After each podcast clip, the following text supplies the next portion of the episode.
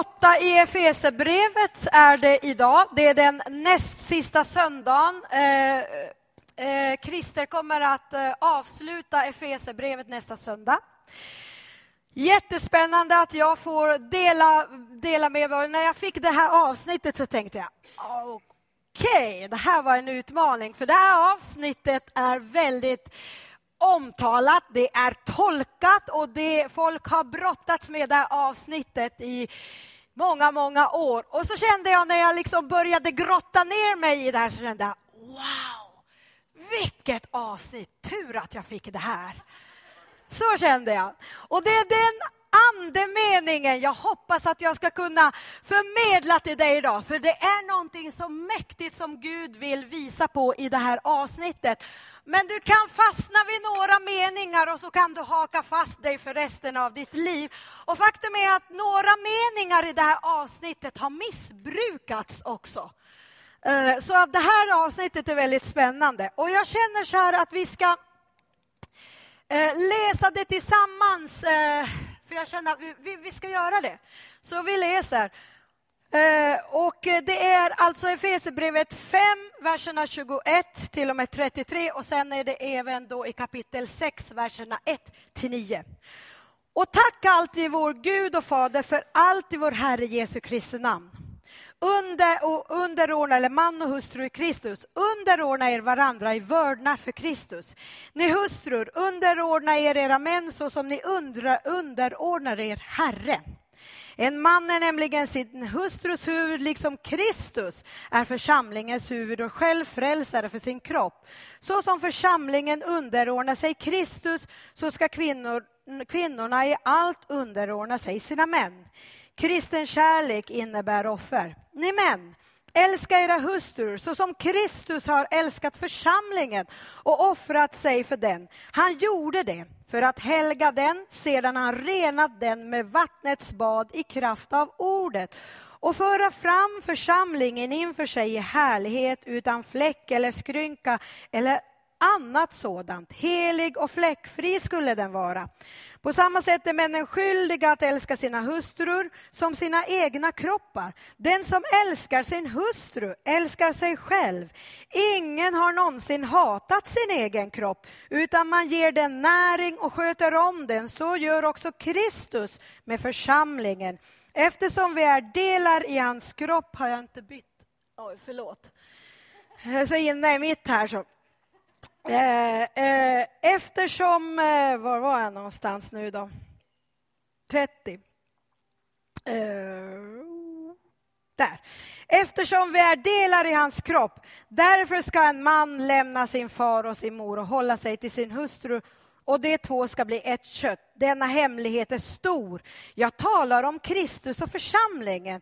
Men vad er angår ska var och en älska sin hustru så som sig själv och hustrun ska visa sin man respekt. Barn och föräldrar. Ni barn, lyd era föräldrar för det är rätt och riktigt. Hedra din far och din mor.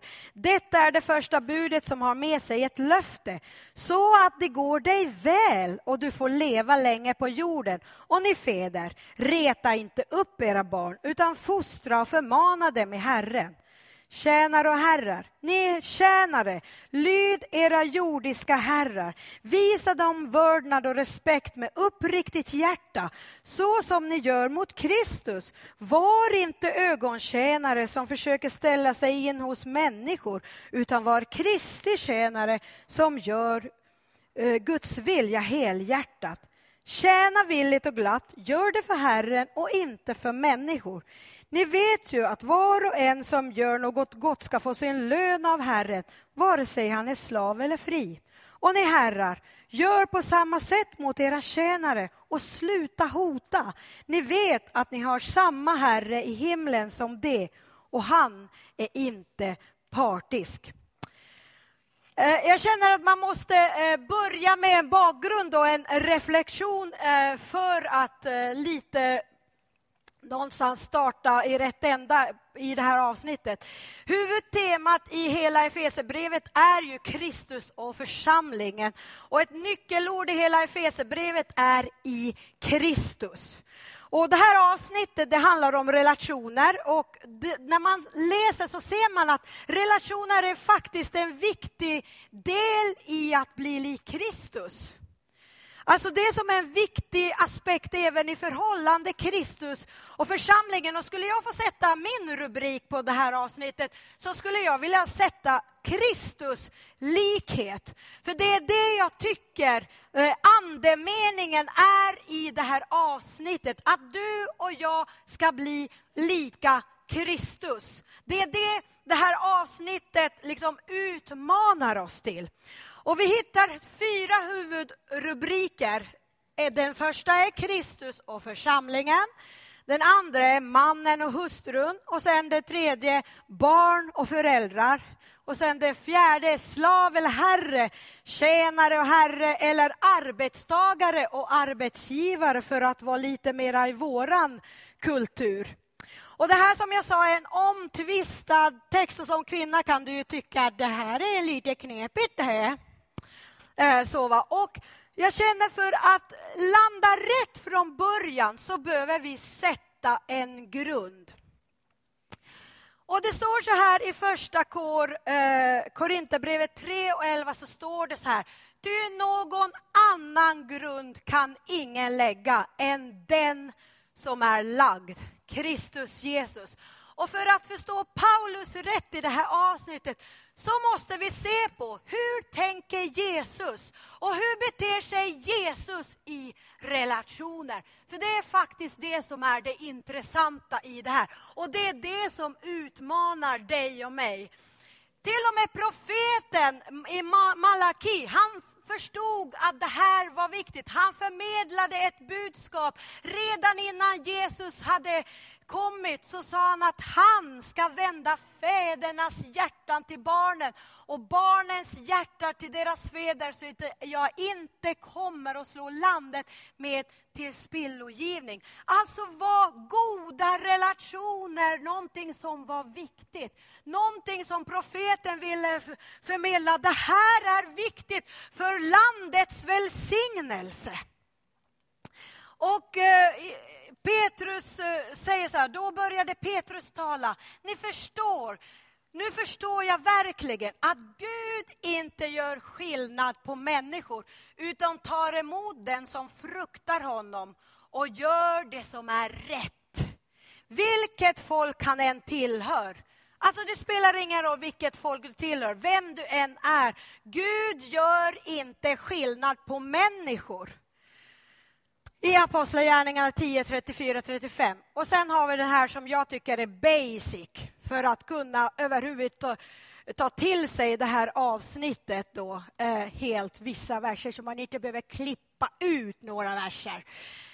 Så står det så här. Här är inte jude eller grek, slav eller fri, man eller kvinna. Alla är vi ett i Kristus Jesus. Galaterbrevet 3 och 28.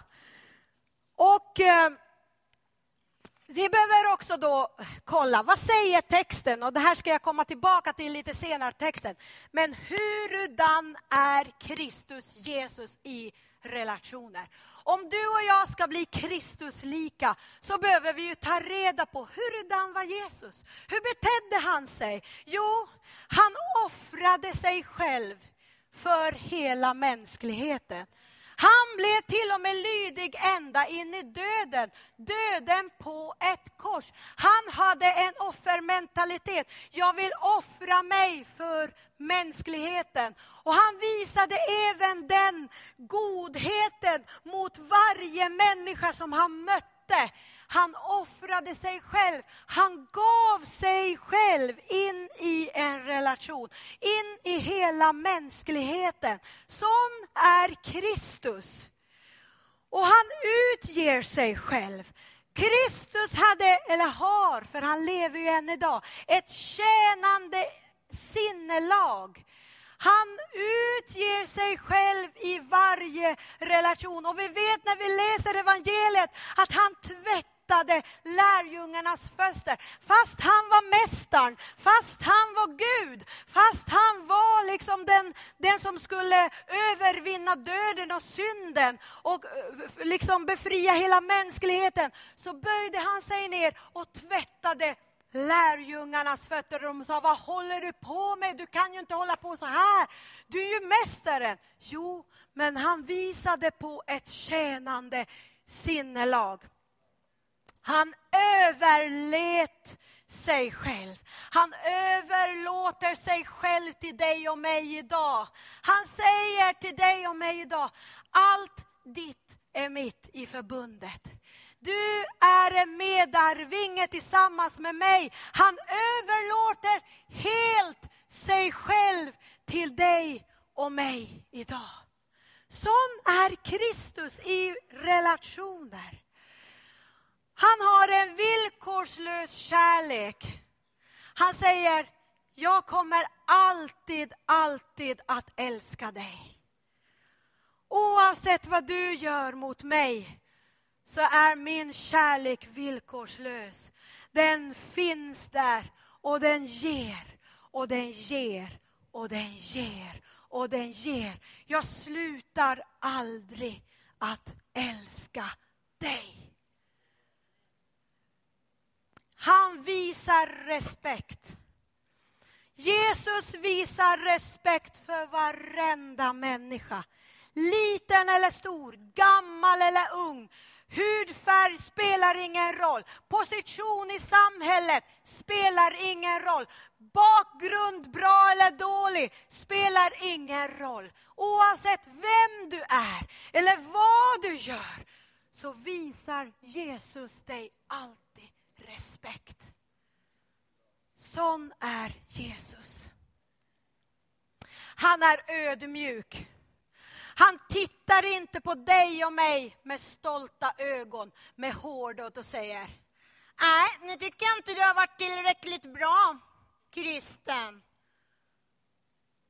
Han tittar med ödmjukhet och säger Kom till mig om det har kört ihop sig. Det finns förlåtelse. Jag tror på dig. Jag tror på dig fortfarande. Jag kommer alltid att tro på dig. Han, öd, han är ödmjuk i sitt sätt att bemöta varje människa.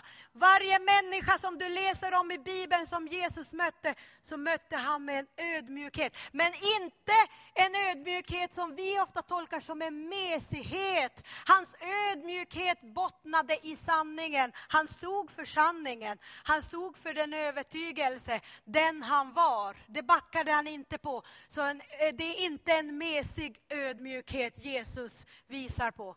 Han behandlar alla lika. Han lyfter varenda människa och han bekräftar varenda människa. Sån är min Jesus. Det här utmanar oss när vi talar om det här avsnittet Oavsett om du är man eller kvinna, man eller hustru, barn eller förälder, oavsett om du är arbetstagare eller arbetsgivare eller whatever, så är det det här som är andemeningen i avsnittet. Och jag ska berätta dig en mäktig story. Den här eh, storyn är sann. De här två, Smith Wigglesworth, han eh, tjänade Gud, han levde 1859, han dog 1947 och även hans fru var ungefär där, eh, levde ungefär samtidigt med honom där. Han kallas för trons apostel. Han var en av de helande evangelister som hade, han såg frälsta människor i skaror över hela världen mirakel på mirakel av helande som Gud gjorde genom hans tjänst. Han gifte sig med en hustru som hette Mary Jane Polly Featherstone och hon var en stark evangelist. Så båda de här tjänade Gud tillsammans. När de hade varit gifta ett antal år och fick flera barn som ni ser även här på, så eh, var det så här att, att eh, hon tjänade Gud på heltid som helande evangelist. Polly kallades hon. Och hon eh, fortsatte sin gärning medan eh, Smith, han var också utbildad rörmokare så han, han liksom eh, var med henne på mötena så här på fritiden men han hade sitt rörmokeri. Och under en tid så blev arbetsbelastningen så otroligt tung. Så han liksom började inte hinna gå till kyrkan, han började inte hinna ta tid med sin gudsrelation. Och mer och mer så kallnade hans hjärta hjärta. Han slutade brinna för Jesus. Han slutade känna glöd över Jesus Kristus och hans hjärta kallnade mer och mer. Och eh, Polly tyckte ju det här var jättejobbigt för de hade ju liksom tjänat Gud tillsammans. De hade haft sitt gudsliv tillsammans och, och hon märkte att aj, det här, oj, vad är det som händer med min man? Men hon sa ingenting om det utan hon fortsatte att gå på möten. Och, eh, eh, och det här gjorde att hon bara fylldes av Guds kärlek och, och hon fort, fortsatte att brinna för Gud. Och sen en kväll när hon kom hem, senare än vanligt, för att hon gick på möten och kom hem och var glad i Gud, det irriterade honom så fruktansvärt. Han blev bara mer och mer irriterad på det här. Så när hon kom hem sent en kväll, så sa han så här, jag är herre i det här huset och jag tänker inte låta dig komma hem så här sent. Och så Polly svarade bara stilla. Jag vet att du är min man, min make. Men Kristus är min Herre. Och han blev så förargad över det här så han öppnade dörr, bakdörren och så puttade han ut henne. Och så låste han dörren och så tänkte han, där fick du surteg. Men då hade han glömt bort att låsa främre dörren. Så hon trippade runt huset och öppnade dörren och kom in skrattandes. Och hon skrattade. Så till slut så bara kunde han inte stå emot, utan han började också skratta. Och de skrattade, något så hejdlöst tillsammans. Och mitt i det där skrattet så såg han, fick han en uppenbarelse. Han såg att hans hjärta hade kallnat för Gud. Och han bestämde sig att ta en tio dagars fasta och bön för att söka Herren på nytt igen. Och det här blev liksom, hans desperation att få tag i Herren på nytt gjorde att han började brinna. Och vet ni vad han sa? Att det var hustruns attityd som var den stora orsaken till att han kom tillbaka till Jesus. Det var, och det var det som var också orsaken, sa han, som gjorde att efter att han kom tillbaka till Jesus så hade de den starkaste tiden för sin helande tjänst tillsammans. Gud använde dem över hela världen. Och han pekade ofta tillbaka, för hon tjatade och gnatade inte på honom. Utan hon behöll sin glädje i Gud själv och visste att det är bara Gud som kan förändra min man. Jag kan inte. Det här är Kristus likhet. Eh, några nyckelverser som jag känner att vi måste grotta oss ner i, i den här texten är att, eh, att eh, och det är först eh, vers 21. Underordna er varandra i Kristi fruktan. 24. Som församlingen underordnar sig Kristus ska hustrun i allt underordna sig sin man. 25. Ni män, älska era hustrur så som Kristus har älskat församlingen och offrat sig för den. 28 och 29. På samma sätt är mannen skyldig att älska sin hustru som sin egen kropp. Den som älskar sin hustru älska sig själv. Ingen har någonsin hatat sin egen kropp utan man ger den näring och vårdar den så som Kristus gör med församlingen.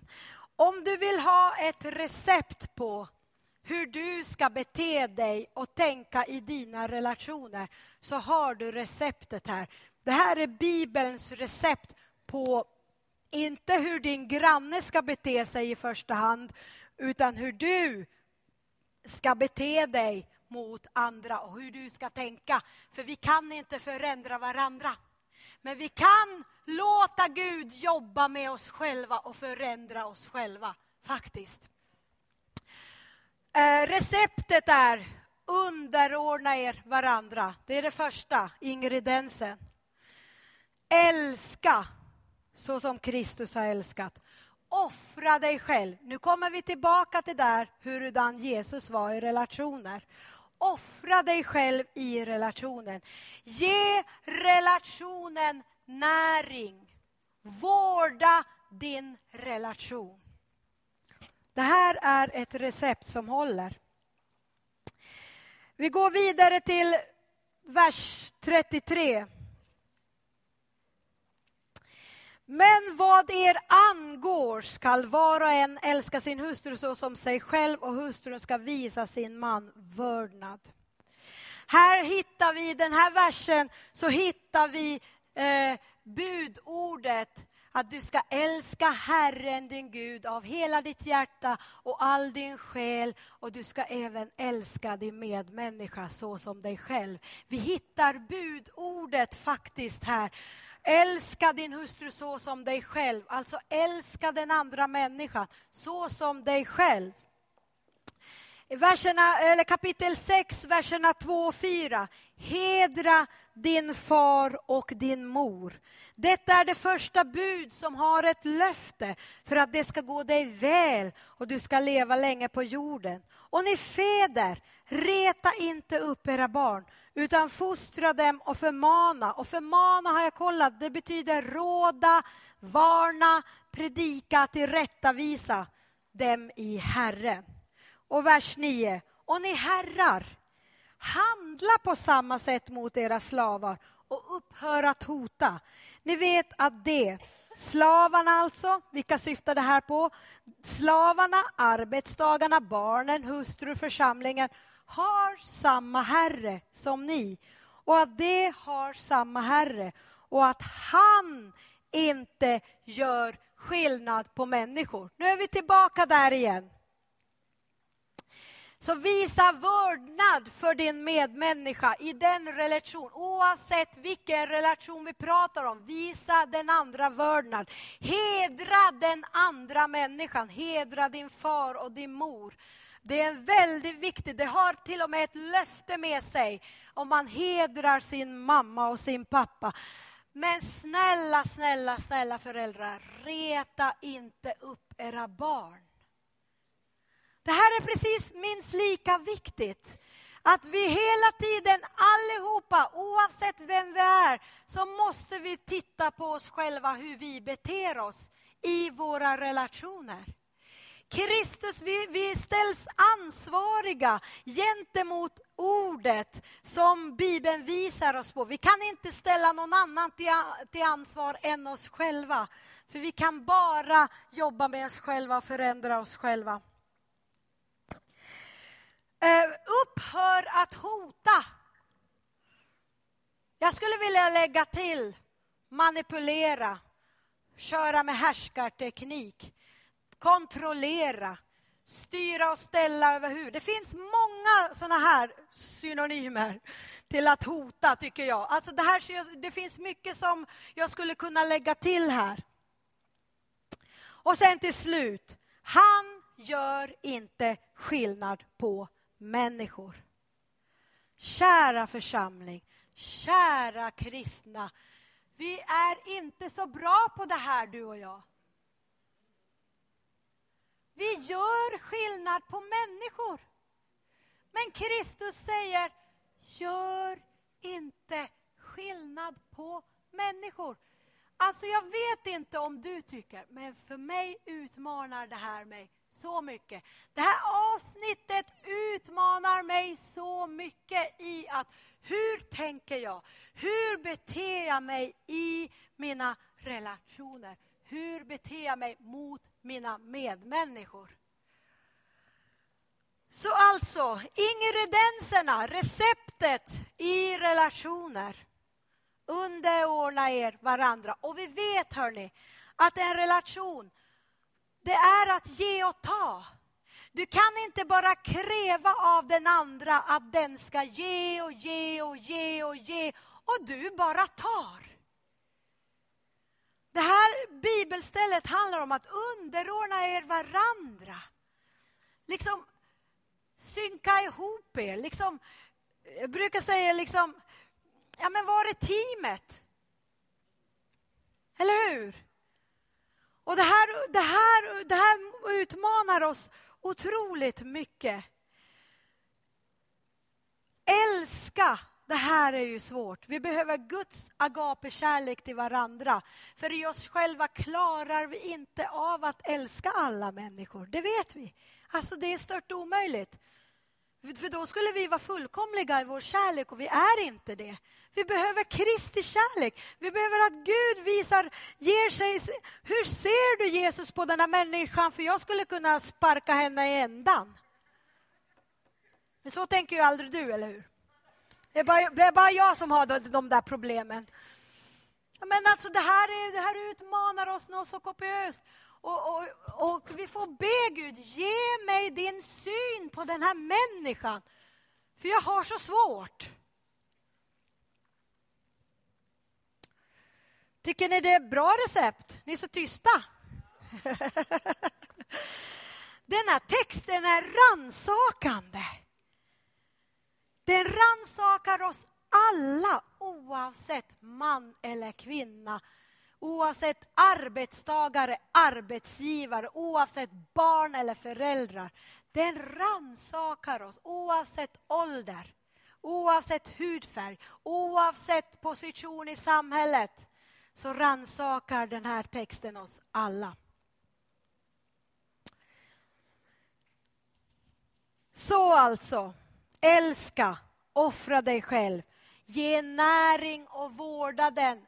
Men hörde du, om du har en relation som du aldrig ger tid. Jag är ledsen att säga det, men den relationen rinner ut i sanden. Du kan inte ha kompisar och ta dem för givet och bara, ja men de finns alltid där. Du kan inte ha vänner som du tror att de finns bara där. Och jag kan komma och gå som jag vill och det gör ingenting. Till slut är de inte där längre. För man tröttnar på någon som inte vill ge av sig själv, som inte vill vårda och ge näring till en relation. Och att ge näring är att ge tid, omsorg, kärlek, att ge av dig själv in i relationen. Det där går inte automatiskt. Vare sig vi är gifta eller vad vi än är, det går inte automatiskt. Vi måste lägga ner en möda för de relationer som vi vill ska fortsätta vara goda relationer. Är ni med? Det går liksom inte att beställa på internet och sen är det klart. Hämta det på posten och så bara, halleluja, nu har jag en bra relation här. Det går inte, utan vi måste ge av oss själva.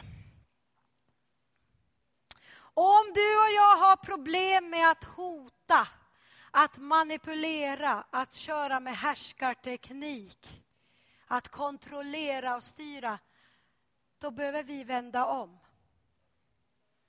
Då behöver vi rannsaka oss själva. Vad håller jag på med? Gud, förbarma dig över mig.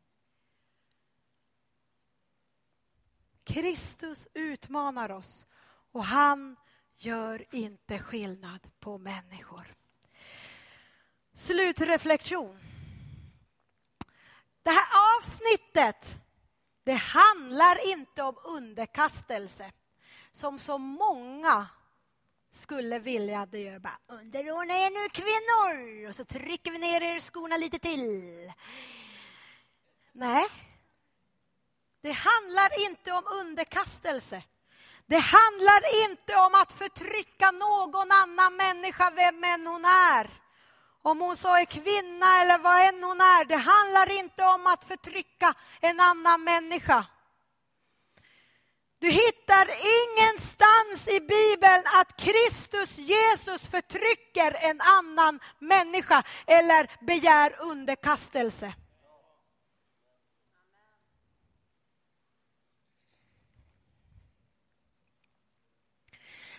Det handlar inte om att auktoritära och osunda människor ska kunna styra över ditt och mitt liv. Det här avsnittet handlar inte om makt.